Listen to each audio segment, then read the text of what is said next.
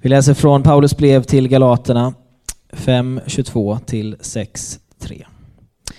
Andens frukt däremot är kärlek, glädje, frid, tålamod, vänlighet, godhet, trohet, mildhet, självbehärskning. Sådant är lagen inte emot. Det som tillhör Jesus Kristus har korsfäst sitt kött med dess lidelser och begär. Om vi har liv genom anden, låt oss då också följa anden. Låt oss inte vara fåfänga, inte utmana varandra och inte avundas varandra. Bröder, om någon skulle ertappas med en överträdelse, då ska ni som är andliga människor med mild ande upprätta honom. Men se till att inte du också blir frestad. Bär varandras bördor, så uppfyller ni Kristi lag. Den som tycker sig själv vara något fast han egentligen ingenting är, han bedrar sig själv. Så lyder Guds ord. Gud, vi tackar dig. Välkommen, Linus. Börja med att be. Herre, låt mitt hjärtas tankar och min muns tal behaga dig.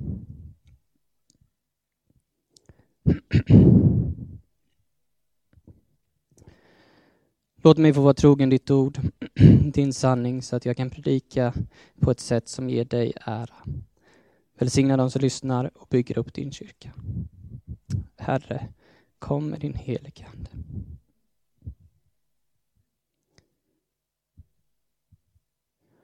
Blev eh, berörd av eh, lovsången vi sjöng här alldeles nyss. Bara din nåd, bara din sanning.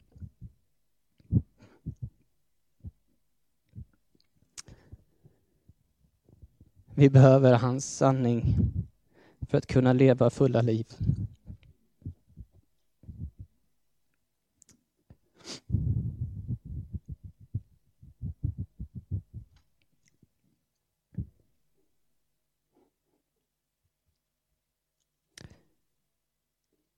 Vi är mitt uppe i en eh, spännande, fantastiskt utmanande serie om kännetecken. Att låta sig formas av den helige Ande och bli mer lik Jesus Kristus. mycket har sagts om mig som person. Mycket, vissa saker har jag hört. Det mesta har jag säkert inte hört och tur kanske är väl det. Eh, men jag tror att mildhet och ödmjukhet inte är någonting som oftast beskrivit mig. Och här är vi idag och jag ska tala om just mildhet och ödmjukhet. Ironi, kanske, eller genomtänkt, vem vet. Jag kommer att predika till mig själv i alla fall och jag hoppas att du ska få med dig någonting också. Jag kan i alla fall säga att någonting som gör mig ödmjuk för en stund, det är att eh, förbereda en predikan, att stå här och försöka förmedla ett budskap ifrån Gud. Så, vad har vi sagt hittills? Att Andens frukt är attribut utav Guds karaktär, avslöjar hur Gud är och hur våra liv kan komma att vara om vi lever i relation med honom. Det produceras i en nära och djup relation med Gud. Det är en process och det är ett utav mysterierna och misstolkningarna i evangelierna, att det har någonting med frälsning att göra. Men så är det inte. Tänk bara på Paulus, det är han som skriver det här han förföljde kyrkan och de troende och Gud frågar, varför förföljer du mig? Stanna upp där en sekund. Vackert. Paulus förföljer kyrkan och Gud tar det personligt. Men där och då så tas ju Paulus upp i Guds familj. Han tror, han blir en del av Kristi kropp men det är han som skriver om den här processen, andens frukt, att växa i den. Det andra mysteriet är att när du väl är adopterad in i familjen, då är det dags att börja leva så att du känner dig som hemma här. Lärjungatränad, att din karaktär blir transformerad, att din tro får djupare rötter och du kan mer och mer dö till dig själv till ditt eget och låta Gud lysa genom dig. Så vi blir frälsta, vi jobbar på vår frälsning och vi blir slutligt frälsta. handlar om att vi måste leva närmare Gud så att vi blir förvandlade efter hans karaktär. Och jag tror att det handlar om flera saker. Jag tror att vi på riktigt måste se över våra hjärtan och vilken jord vi har där. Kan andens frukt växa i mitt liv? Finns det saker som jag måste göra upp med? Jag tror även att vi behöver leva i en ännu djupare gemenskap med varandra. Kristi kropp och familj. Jag tror att det krävs ett djupare böneliv för att på riktigt lära känna Gud och ta tiden att formas efter hans avbild. Att våga ödmjuka sig och lägga ner sitt eget för att Gud ska få ta en större del av mitt liv. Hela listan av eh, Andens frukter, kärlek, glädje, frid, tålamod, vänlighet, godhet, trohet, mildhet och självbehärskning. Det är ju en enda lista av kärlek. En beskrivning utav kärlek. Så vad är Andens frukter? Det är kärlek. Och jag tänker att det är rätt viktigt att förstå vad kärlek faktiskt är så att vi kan vara delaktiga i den. Gud säger att han är kärlek. Så vill du veta hur Gud är så är han allt detta. Trofast, mild, kärleksfull. Så Bibeln försöker få oss att förstå vad kärlek är. Bibeln är ett enda långt kärleksbrev från Gud till oss. Hur hjälper Bibeln oss att förstå kärlek? Jag tror genom korta beskrivningar som det här. Är det någon som eh, någon gång har varit på ett bröllop så har du hört första Korinthierbrevet 13. Det är en klassiker då. Oavsett om du är troende eller inte så har du med största sannolikhet hört kärlekens lov. Att kärleken är tålig och mild, kärleken avundas inte. Den skryter inte, den är inte uppblåst, den uppför sig inte illa. Den söker inte sitt, den brusar inte upp, den tillräknar inte det onda. Den glädjer sig inte över orättfärdigheten, men har sin glädje i sanningen. Den fördrar allting, den tror allting, den hoppas allting, den uthärdar allting. Kärleken upphör aldrig. Så, hur är Gud? Kärleken är tålmodig, mild, söker inte sitt eget, glädjer sig med sanningen, sviker aldrig.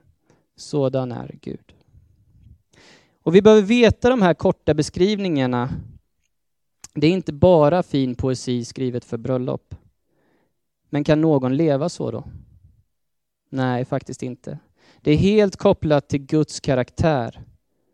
Den typen av kärlek kan bara produceras i relation med honom. Där det är hans ljus, det är hans ande och hans frukt i oss som lyser igenom. Hur hjälper Bibeln oss att förstå kärlek? Jag tror genom historier. Vi människor, vi förstår saker genom historier. Och faktiskt så är majoriteten utav Guds ord, eller texten i Bibeln, långa eller korta historier om kärlek. Så här ser kärlek ut i evangelierna, så här ser kärlek ut i Moseböckerna, så här ser kärlek ut i Marias liv, i Paulus liv och så här ser det ut i upprättandet utav Petrus. Så här ser det ut och vi får göra små nedstamp i människors liv och berättelser. Och för det tredje och eh, viktigaste utan att rangordna så tror jag att det handlar om deltagande, att dras in. Du behöver inte förstå Guds kärlek för att kunna uppleva den. Och vi växer i kärlek genom att delta i den. Så summering, Andens frukter, vad är det? De visar oss hur Gud verkligen är. De pekar på hur våra liv kommer se ut om Gud får forma oss i tillbedjan och lydnad. Och vi får en full bild av hur det ser ut i berättelserna om Jesu liv. Och här har ju vi ett val. Vi kan ju rycka på axlarna åt att det är ju lätt för Jesus som är Gud. Klart han kunde leva så. Men evangelierna gör mycket för att visa att han levde som du och jag. I 30 år så levde han ett vanligt liv som du och jag innan han gick ut i tjänst. Han började sin tjänst med 40 dagars fasta för att visa sitt beroende av Fadern. Sedan blir han döpt, får den helige Ande. Ett liv som Jesus är ett liv levt med den helige Ande. Och vårt ansvar är att se till att våra liv är god jord för den helige Andes frukt att växa. Det är min sammanfattning utav veckorna bakåt. Så idag har vi kommit till mildhet eller ödmjukhet som det står i någon översättning. Jag funderade lite och tänkte om man skulle fråga folk på stan om de skulle beskriva kyrkan, vad skulle de svara då? Jag tror att man skulle svara nio gånger av tio innan mildhet kommer i alla fall, att förklara oss som fördömande, vilket är tragiskt. Makt under kontroll är ödmjukhet. Kontrollera med makt är motsatsen. Mildhet är makt som betjänar. Kolosserbrevet 3 säger klä er i mildhet och tjäna varandra. Temat för hela Galaterbrevet är var milda. Galatierna de eh, använde sin makt för att kontrollera, att eh, lägga på lag, bud. Alla har vi makt på jobbet, i våra relationer och så vidare. Så det här brevet som eh, Paulus skriver är lite annorlunda än andra brev han skriver. Han börjar ju alla sina brev med en fin hälsningsfras med nåd vare med er och frid från Gud och jag är apostel och så vidare. Men här så går han ganska rakt på sak redan i vers 6 och bara, jag är förvånad. Vad har det tagit till er? Och sen så fortsätter hela glatbrevet bara på att visa hur är mildhet. Så, vad är, hur är det att vara ödmjuk och mild som person? Ja, enligt Google så är det en person som har en balanserad självuppfattning och är medveten om sina begränsningar. Alltså, inte tänker högre om sig själv än sig bör. Men också inte heller tänker lägre om sig själv än vad man är. Dag Hammarskjöld har sagt att ödmjukhet är att inte jämföra sig. Jag måste inte hävda mig mot någon annan, jämföra mig mot någon annan. En del av vår problematik är att vi tänker att jag är ju i alla fall lite bättre än den där syndaren Viktor, till exempel. Eller jag kanske inte är lika bra som Moa som sjöng här. Och det är falsk ödmjukhet. Då vet man inte vem man är i Kristus.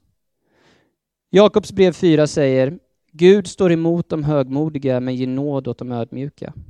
Ödmjuka er inför Herren så ska han upphöja er. Ödmjukhet är alltså ett slags segervapen. Det finns en upphöjelse i ödmjukheten som inte går att få tag på annat sätt än att ödmjuka sig inför Gud. Filipperbrevet 2 säger sök inte konflikt eller tom ära. Var istället ödmjuka och sätt andra högre än er själva. Ödmjukhet handlar alltså om att sätta andra högre än sig själv. Sätter sitt eget åt sidan för andra. Att gå en extra mil, inte för att bli klappad på axeln, utan för att det ligger i vår natur. Ödmjukhet handlar om att tjäna underifrån. Jesus, han kom och tog en tjänares gestalt. Om vi inte är beredda att tjäna underifrån kan vi aldrig vinna världen. Om roten är högmod kommer ingen frukt. Vi tjänar inte ovanifrån. När vi talar om andens frukter så är det många av oss som ser det som ett litet buffébord.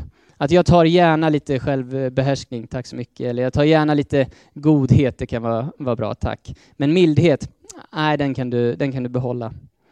Istället för att se det som olika sidor av en och samma frukt. Olika sidor utav en diamant som ljuset får reflekteras igenom. Vi vill ju att Gud ska vara så som lärjungarna också trodde. Att han skulle komma som Arnold Schwarzenegger eller Terminator och bara bygga ett nytt kingdom, eh, ett nytt rike. Men han kom inte så, utan han kom och tog en tjänares gestalt och visade på en annan väg. En mild och ödmjuk väg. Jag tror att vi många gånger har en falsk föreställning av ödmjukhet och mildhet. Jesus mildhet kan ju få oss att känna att han är onåbar eller att han är orealistisk. Men om han bara var en mild snubbe som gick runt och bar på lamm och var snäll mot barn, varför blev han då korsfäst? Jesus ödmjukhet är en av anledningarna till att vi borde falla ner på knä och tillbe honom som Gud. Och det är en av anledningarna till att han blev brutalt avrättad efter en konspiration. Så Mildhet är inte svaghet. Det är mer än styrka. Jag tänker lite att det är som frihetskämparna i början av det här århundradet som eh, istället för våld mötte med mildhet och styrka. Att ödmjukhet och mildhet är ofta mycket starkare än ilska och makt. Så, mildhet. Varför är det så viktigt? För det första så tror jag att mildhet är helt avgörande för upprättelsen av människor. I Galaterbrevet 6 och 1 som Viktor läste. Bröder, om någon skulle ertappas med en överträdelse, då ska ni som är andliga människor med mild ande upprätta honom. Det beskriver en person som har förlorat mot sin synd, som är fast. Och om någon kommit till den punkten där de inser att de är brutna behöver vi inte peka på det. De vet det själva. De lever i det. Då behövs mildhet för att kunna upprätta. Det kan vara en mild tillrättavisning. Vi är alla fast i synd. Även om det bara är en hemlig avundsjuka, men vi är kallade att upprätta varandra och vår gemenskap i mildhet och ödmjukhet. Det här står ju i samma kontext som frukterna beskrivs i. Det är bara vi som har satt dit kapitel och vers i efterhand. Jag tror att det handlar om att behandla andra milt. Att vara en mild person innebär att du känner igen sårbarheten och skörbarheten, eller skörheten, i andra runt omkring dig. Att veta att alla, alla vi som sitter här inne är sköra. Våra yttre kanske säger någonting annat. Våra åstadkommanden kanske säger någonting annat. Vår utbildning kanske säger något annat. Men alla vi, bortom våra åstadkommanden, under vår utbildning och bakom våra titlar så är vi sköra människor. Att vara mild innebär att du är trygg att vara med. Trygg att vara med. Vi har alla varit runt människor som det inte är tryggt att vara runt, eller hur? Någon har sagt att en vän det är en som vet allt om dig och ändå älskar dig. Det är mildhet. Och min önskan är att vi som kyrka här i Stockholm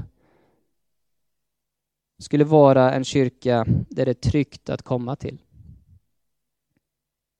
Det betyder ju inte att vi inte predikar helighet. Betyder inte att vi blundar för synd.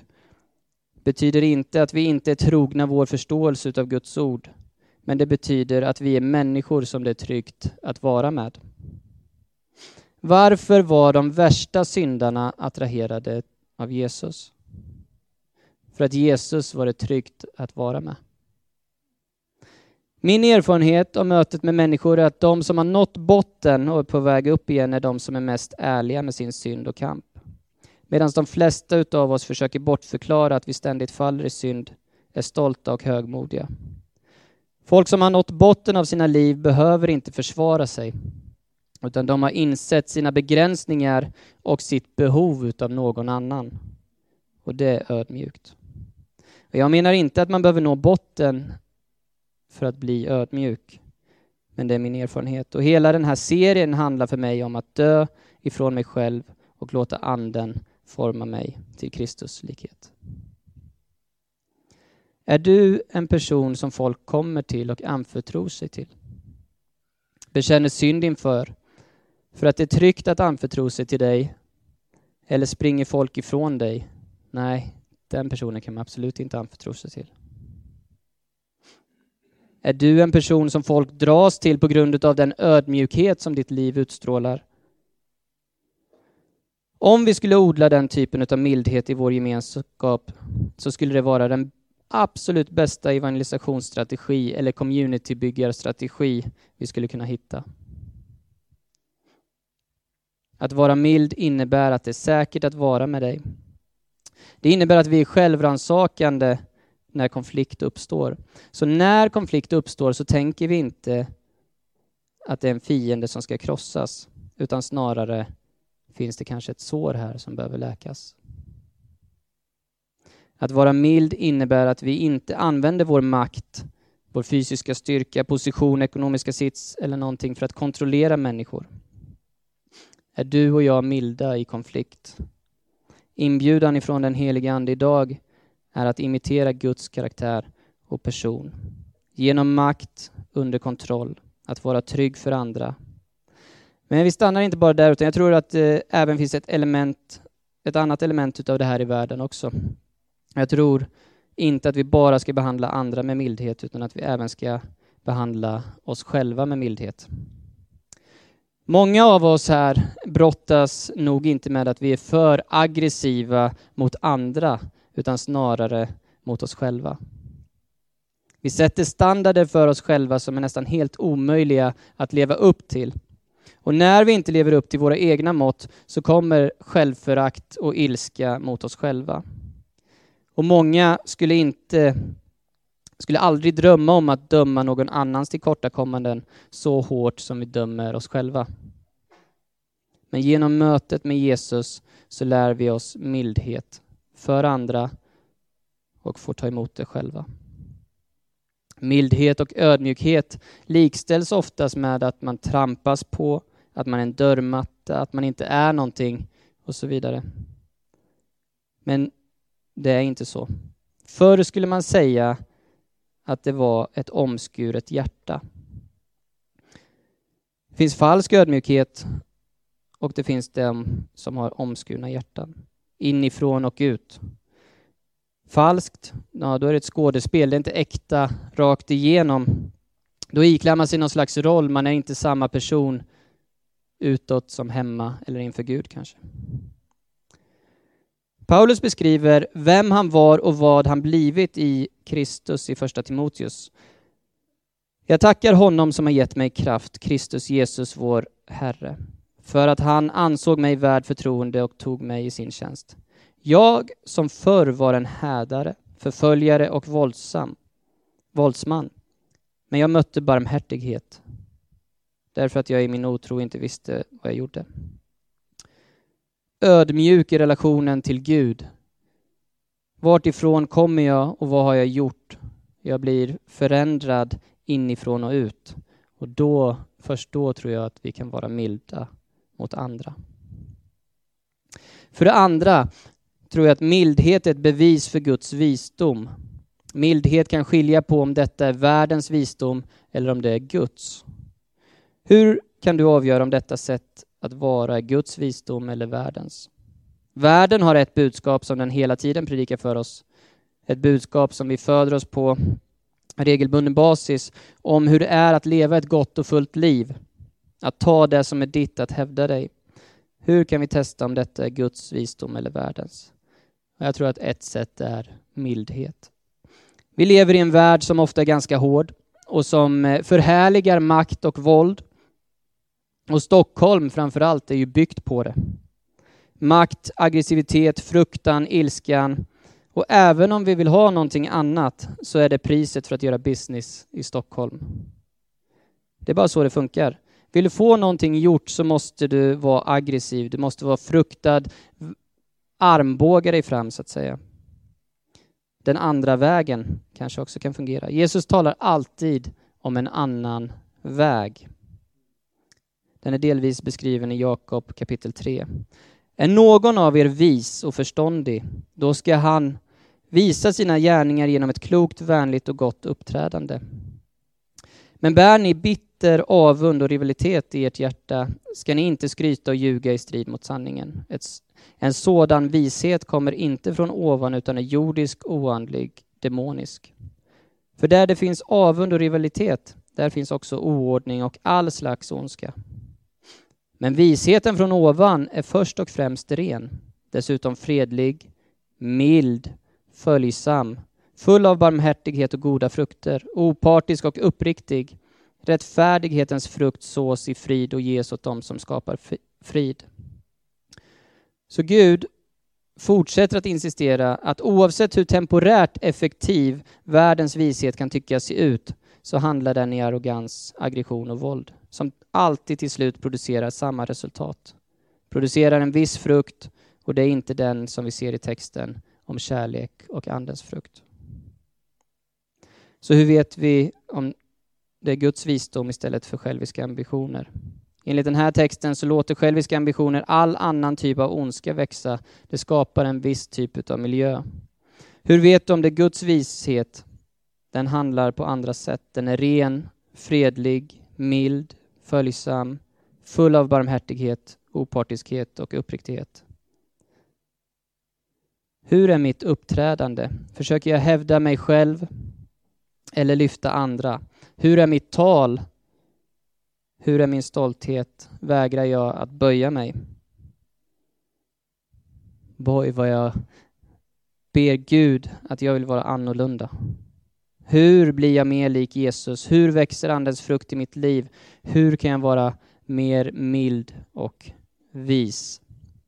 Jag tror inte att det finns någon genväg, tyvärr. Det handlar om våra hjärtan. Att våra hjärtan måste vara god jord så att frukten kan växa fram. Det här är ju en frukt som växer fram, inte som Andens gåvor som du kan få här och nu. Jag tror att de här frukterna bara kan växa fram i en ärlig och nära relation med Gud. Att låta han forma mig. Och det sker i gemenskapen här i församlingen. Det sker i bönen och när jag läser Guds ord. Andens frukt växer sakta fram genom jorden utav en bestående bön. Det handlar om någonting mer ihängande än en morgonstund. Både du och jag vet ju att de tio minuterna som vi tar på morgonen, om vi nu tar några, för att läsa ordet och be på morgonen. Det som Gud har lagt ner i oss där och då, det är ju som bortblåst så fort jag hoppar på tunnelbanan eller fastnar i trafikköerna på väg till jobbet. Eller hur? Och vid lunch, då har det ju hänt någonting på jobbet. Någon har snott min penna eller tagit min plats eller någonting. Och sen händer något annat och sen när arbetsdagen väl är över och du, då är du typ inte kristen längre. Det är på den nivån. Eller hur?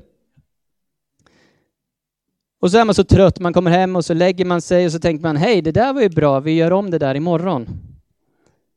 Vi ber på morgonen, det händer någonting på jobbet, vi kommer hem och lägger oss och eh, så vidare. Jag tror att vi underskattar världens påverkan på våra liv. Att skapa ett liv där den helige Ande får genomsyra våra liv, det kräver en viss rytm i bön. En rytm utav pauser. Att på morgonen ta en paus och be Jesus vara en del utav mitt liv. Be att han ska forma mig.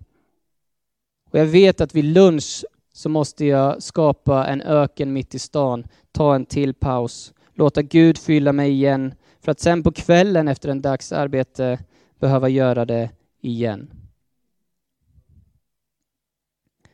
Jag tror även att det finns en rytm i veckorna, en veckorytm. Att på söndagar, då firar jag gudstjänst. Jag kommer tillsammans med er. Vi firar vad Jesus har gjort för oss, det som vi inte kunde göra för oss själva. Vi erkänner vårt beroende av honom i ödmjukhet. På tisdagar så träffar jag min connect och delar livet. Och så på söndag firar jag gudstjänst igen. Den typen av rytm hjälper Andens frukt att växa i ditt och mitt liv. Så, mildhet hjälper till att återställa, att upprätta. Mildhet hjälper oss att se vad sann vishet är. Och för det tredje så tror jag att mildhet skapar en plats för vila. Våra själar, de längtar efter vila. Matteus 11 och 28 säger så här, Kom till mig alla ni som är tyngda av bördor, jag ska skänka er vila. Ta på er mitt ok och lär av mig som har ett milt och ödmjukt hjärta, så ska ni finna vila för er själ. Mitt ok är skonsamt och min börda är lätt. Jag är så glad att det stycket är där. Även om vi tror på nåden som börjar vår resa. Okej, okay, Jesus dog för mig. Jag förstår det. Och på något mystiskt sätt så funkar, eh, funkar det att jag är förlåten och mina synder är förlåtna och jag har fått en rätt ställning inför Gud, även om jag kanske inte förstår det. Men sen så dras vi tillbaka och föreställer oss att troligen från stund till annan så är ju Gud rätt hård, en hård lärare eller någonting. Och sen så har vi bergspredikan som en helt otrolig beskrivning utav det mänskliga livet och vi känner att vi faller till korta. Är jag då dömd att leva i skam och misslyckanden? Jag är med Jesus, men jag kommer aldrig att lyckas vandra på hans väg. Så känner jag i alla fall. Därför är detta stycke så skönt. För Jesus säger på vissa ställen att om du ska följa mig så måste du ta upp ditt kors, du måste dö helt till dig själv. Men ihop med det så säger han detta. Och vi måste ha både och. Jesus är, som vi brukar säga, både och. Full av nåd och sanning. Den absolut högsta auktoriteten i världen, men också ödmjuk och mild och en tjänare. Så om du ska följa mig så är min erfarenhet av det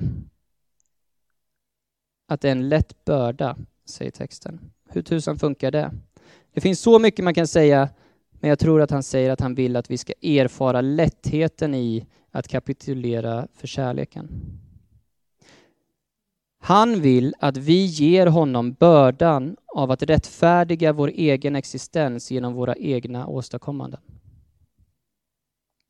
Jag vill att ni ger mig bördan av att försöka dra upp er själva i egen kraft, av egen motivation och inspiration för att leva ett annat liv. Jag vill att ni ska lägga hela bördan av att följa mig på mig. Och sen vandra i den här alternativa kraften, den helige ande, levande och aktiv i dig. Och när det händer, då erfar du vila inte religiös utmattning på grund av föreställningen att du hela tiden ska prestera någonting för Gud. Då kan mildhet växa i ditt hjärta. Alla utav oss erfar ju spänningar på jobbet, på en familjemiddag eller kanske idag när ni skulle göra i ordning barnen och åka hit. Aggression skapar spänning, folk blir på sin vakt. Mildhet, speciellt mildhet från Jesus, det skapar vila. Eller tillåter vila. Alltså han är den högsta auktoriteten i världen. Den med den sannaste makten och rätten att döma. Han säger kom till mig så ska jag ge dig en lång lista på saker du måste fixa. Nej. Han säger kom till mig så ska jag ta din börda och ge dig min som är lätt och skonsam. Jag ska ge dig vila. Och detta är sammankopplat med nattvarden som jag alldeles strax ska gå över till. Johannes 8 och 3. Då förde de skriftlärda och fariseerna dit en kvinna som hade blivit gripen för äktenskapsbrott. De ställde henne i mitten och sa, Mästare, den här kvinnan greps på bar gärning när hon begick äktenskapsbrott. I lagen har Mose befallt oss att stena sådana, vad säger du? Och detta sa de för att pröva honom och få något slags, någonting att anklaga honom för. Alltså det är ganska intressant här, de, de har en kvinna, mannen är inte där.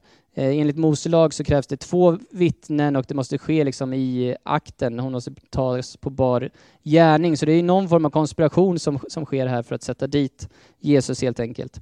Och det ena är ju att om han inte följer Mose lag, ja, men då har han ju ingenting att, att ha, då är han en falsk profet och lärare. Och om han stenar henne så Ja, varför ska man följa honom då? Han stenar sina egna. Men Jesus böjde sig ner och började skriva med fingret på marken. När de fortsatte fråga honom reste han sig och sa, den av er som är utan synd kan kasta första stenen på henne. Sen böjde han sig ner igen och skrev på marken. När de hörde detta började de gå därifrån, en efter en, de äldsta först. Han blev lämnad ensam kvar med kvinnan som stod där. Jesus reste sig upp och sa till, till henne, kvinna, var är de? Har ingen dömt dig? Hon svarade nej, herre. Då sa Jesus, inte heller jag dömer dig. Gå och synda inte mer. Alltså det här är en perfekt beskrivning utav Jesu mildhet. Och hur kunde han säga så här till henne? Jo, för han visste att han skulle bära hennes synd på korset. De försökte sätta en fälla och sätta dit honom. Men det gick inte. Jag älskar att Jesus är så, både och. Nåd och sanning. Mild och den högsta auktoriteten. Lejonet utav Juda och Guds lamm. Och där kan vi finna vila när inte allt hänger på mig utan på honom, då kan jag vara ödmjuk och mild mot andra och finna vila i det. Som avslutning, två snabba på att få mildhet och ödmjukhet att växa. Jag tror att det handlar om uppmärksamhet och tacksamhet. Att vara mild mot andra kräver uppmärksamhet. Och det växer lättast fram ur en tacksam människas liv. Om du går runt och är tacksam till Gud, till livet som du har fått, syndens förlåtelse och så vidare, så är det mycket enklare att när du möter en människa, komplexiteten i deras erfarenheter, att erbjuda dem mildhet istället för aggressivitet. Att erbjuda ödmjukhet istället för stolthet. Att odla mildhet kommer utifrån närheten till Gud. Uppmärksam, närvarande som min fru brukar klaga på mig för. Det är så enkelt idag med våra mobiltelefoner att vara närvarande, eller hur? Ja, visst. Vi går runt och är uppmärksamma och likar och postar och så vidare. Jag tror att vi måste jobba på vår närvaro i mötet med människor. Och tacksamhet. Vi måste jobba på tacksamheten också. Några checkpoints varje dag. Det är ganska enkelt att göra en lång lista över saker som man kan stressa upp sig över. Men istället så kanske vi skulle ta och göra en enkel lista med saker som jag är tacksam över. Jag är tacksam för mildheten ifrån Jesus. Det gör mig enormt ödmjuk inför Gud att han som har all rätt att krossa mig i Jesus är krossad för min skull. Att Jesus tar mitt ställe. Amen.